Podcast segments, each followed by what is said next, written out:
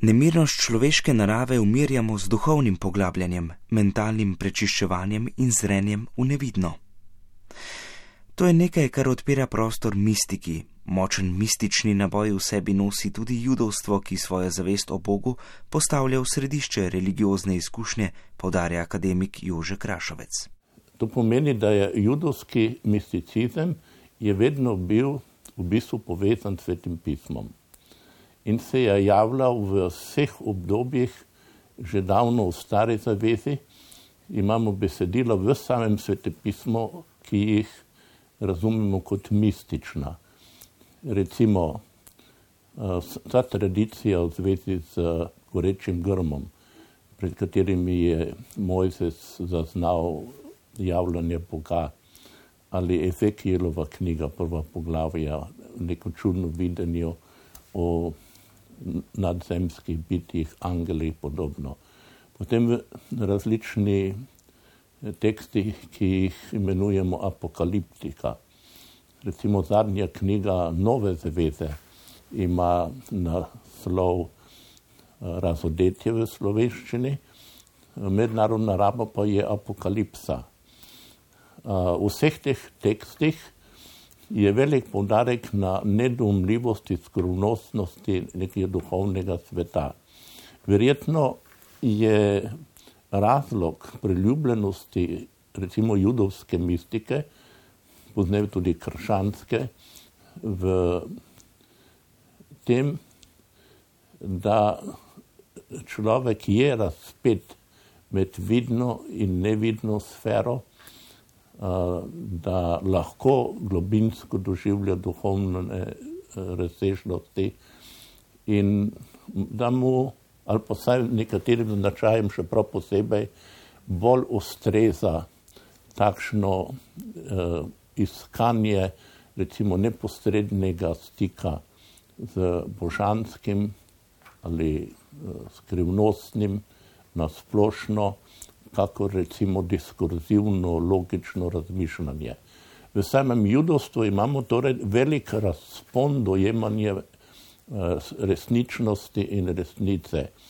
Od najbolj racionalne, potem preko normativnih delov svetega pisma, ki eh, jih imenujemo postava in eh, nekako vodijo človeka po nekih normah do najbolj nedoumljivih izrazov, nečesa, kar človek čuti v globini svoje duše.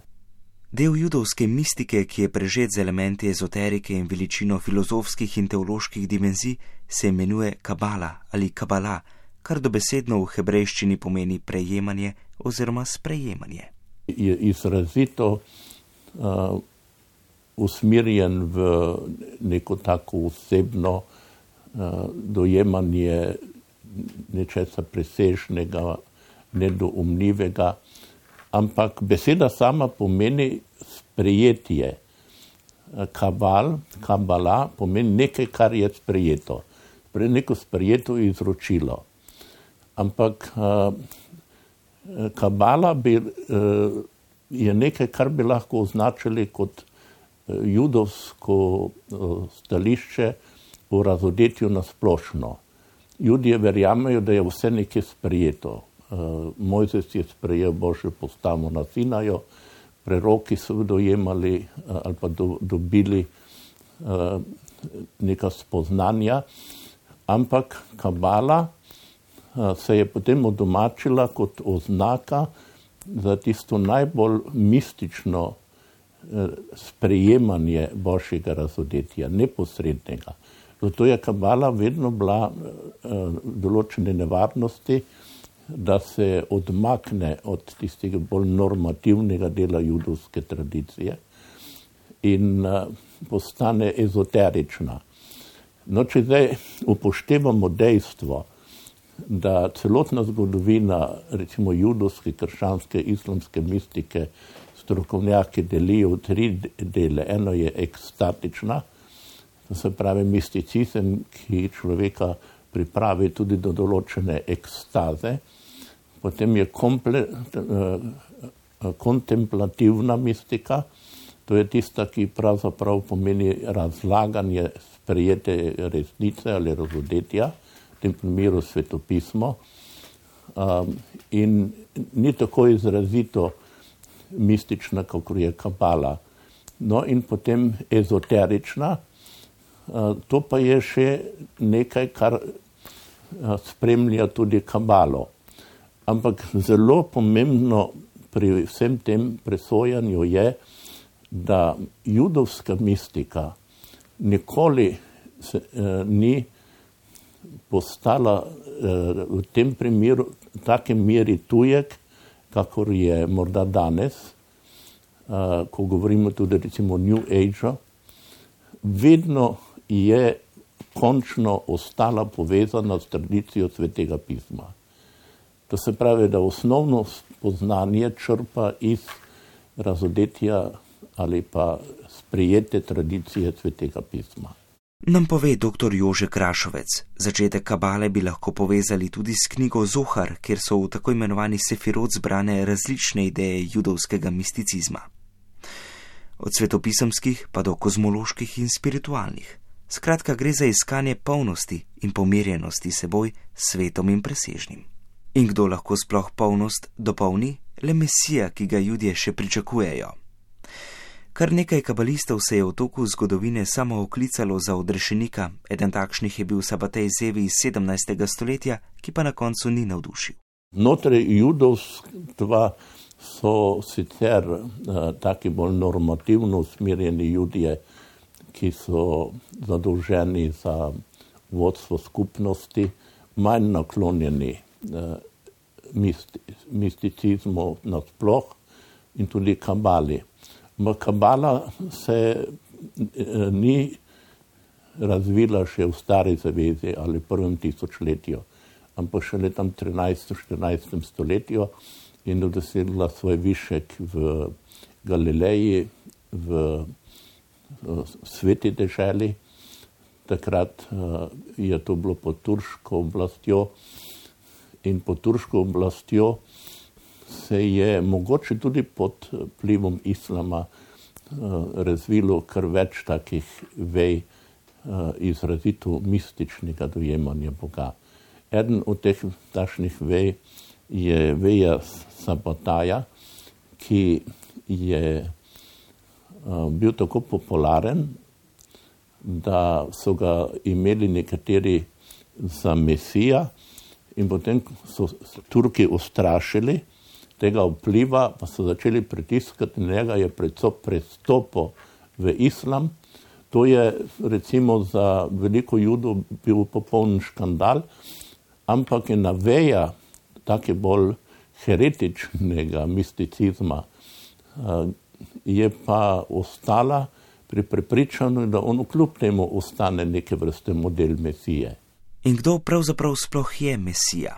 Dr. Jože Krašovec je med drugim doktoriral na Hebrejski univerzi v Jeruzalemu. Hebrejska univerza je svetna univerza, je državna in uh, tam je zanimivo videti, uh, kdo se prihaja. Uh, zle pa ne boste naleteli na kakšnega pravovernega juda. To znano je, da imajo ljudje tudi razne Eh, nošnje, recimo, da je ogromno je hasidov, ki so prišli iz Rusije, to je tudi ena veja mistike, ti ne bodo prišli na hebrejsko univerzo. Uh, koliko sem jaz tam bil, tam sem uh, tudi delal večstopen kurzov iz hebrejščine do zadnje šeste stopnje, ki bi pogoj, da sem lahko sploh doktorat delal. In potem stiki z profesori in študenti v zvezi s pripravo doktorata, smo se dotikali vprašanj, ki niso bila nikoli te vrste. Ampak zmeraj je šlo za temeljno vprašanje, koliko je svetopismo res razodetje, koliko ne. No in tukaj sem lahko ugotovil, da imamo velik razpon med študenti in profesori, nekateri so bili izrazito ortodoksni, kljub temu, da so uh, kazali popolno svetno naravo svojega delovanja, nekateri pa so bili zelo oddaljeni od recimo ene take osebne vire, ampak čisto vsi se imajo za jude, popolnoma brez razlike. To se pravi ta zavest, da spadajo v neko skupino, ki je nekaj posebnega, kot je izvoljen narod, to je tako globoko zakorenjen v vseh časih in med drugim to pomeni tudi pričakovanje Mesija. In uh, pričakovanje Mesija uh, se pa tudi kaže v različnih pristopih. To se pravi, če drži, kot je rekel en, torej moj mentor, ki je bil izrazito bolj uh, liberalen, da je toliko podob Mesija, koliko je judov, potem je razumljivo, da imamo pričakovanje Mesija v normativnem smislu, to je nekdo, ki bo vzpostavil red, do najbolj skrajno mističnega pristopa. Pričakovanje Mesija, ki bo človeka pomiril v notranjosti, mu bo omogočil neko izpolnitev duhovnega hrepenenja. Kabala je danes ušla iz tradicionalnih okvirov judovstva in se je popularizirala tudi s pomočjo znanih osebnosti. Ena takšnih je pevka Madonna. A kako nevarne so lahko zaradi prakse judovskega misticizma, vprašam našega gosta, dr. Krašovca. Mislim, da je uh, vsako gibanje je lahko nevarno. Uh, recimo, vsaka mistika lahko vodi do določenih uh, čudnih uh, dojemanj, ampak kolikor tisti, ki se predajo temu načinu življenja in načinu razmišljanja, to ohranijo zase in ne vseljujejo drugim. Navadno je tako. Ne vidim kakšne posebne nevarnosti. Jaz mislim, da je treba vzeti preprosto sprejeti dejstvo, da smo ljudje različno strukturirani glede na dojemanje.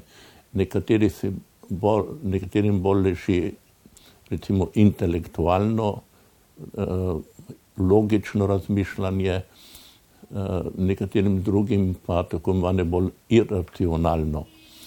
In dokler eh, ostane ta cilj iskati resnico, pomiritev, pa nek ta cilj, ki nek v enem pogledu ni povezan s kakšnim nasiljem. Uh, mislim, da je ta nevarnost majhna. In uh, koliko jaz vidim to interpretacijo uh, misticizma v judovstvu, uh, recimo najbolj znan je Gershom Šolem, uh, ki je prav znanstveno raziskoval, ogromno pisal o judovski mistiki. Um, tega misticizma ne ocenjujejo kot neko nevarno vejo eh, judovstva. Eh, zato, ker večina eh, teh mističnih gibe je ostala popolnoma usklajena z judovsko tradicijo o razodetju izvoljenosti Izraela in iskanja pričakovanja Mesija. Judovski, kot katerikoli drugi misticizem v svojem jedru, torej skriva potencial, da se človek na drugačen način približa Bogu in obenem skuša blagodejno vplivati na svoje lastno psihofizično počutje. To je nekaj, kar je globoko človeškega. Ne? In uh, zato mislim, da bo mistika vedno obstajala uh, v, v bistvu v vseh religijah da bodo ostale različne oblike. Um, pomeni čist spontan, globinski uh, pristop do resničnosti na splošno, do sveta, kakor se javlja, in potem iskanja uh, nadzemskega. Um, In mislim, da samo po sebi to, to ni problem. Imamo tudi zelo moderne oblike tega, recimo izrazito intuitivno dojemanje ali pa tako uh, dojemanje nekega notranjega imperativa. Jaz sem že tukaj recimo doživel, da je kdo iz, iz, od uh, izrazitih izbražencev rekel, da ne samo veruje, ampak ve, da posmrtno življenje obstaja. To se pravi, da mu ne, ne čuti potrebe, da bi kakorkoli to dokazoval, ampak da, da je to notranji imperativ. Lahko bi torej rekli tudi s kantom, da končno, da se tudi v mistiki, mistični tradiciji kaže ta dvojnost. Eno je dojemanje čistega uma, čiste logike, drugo je pa dojemanje praktičnega uma, kar pomeni notranji imperativ, da je mistika tudi neke vrste uh, izraz tega notranjega imperativa. Do neke mere smo torej vsi mistiki, morda bolj kot se zavedamo, še zaključi akademik dr. Jože Krašovec, ki nam je torej razsvetlil odtene kabale, judovskega misticizma. Drage poslušalke, cenjeni poslušalci, hvala za pozornost in lep preostanek dneva.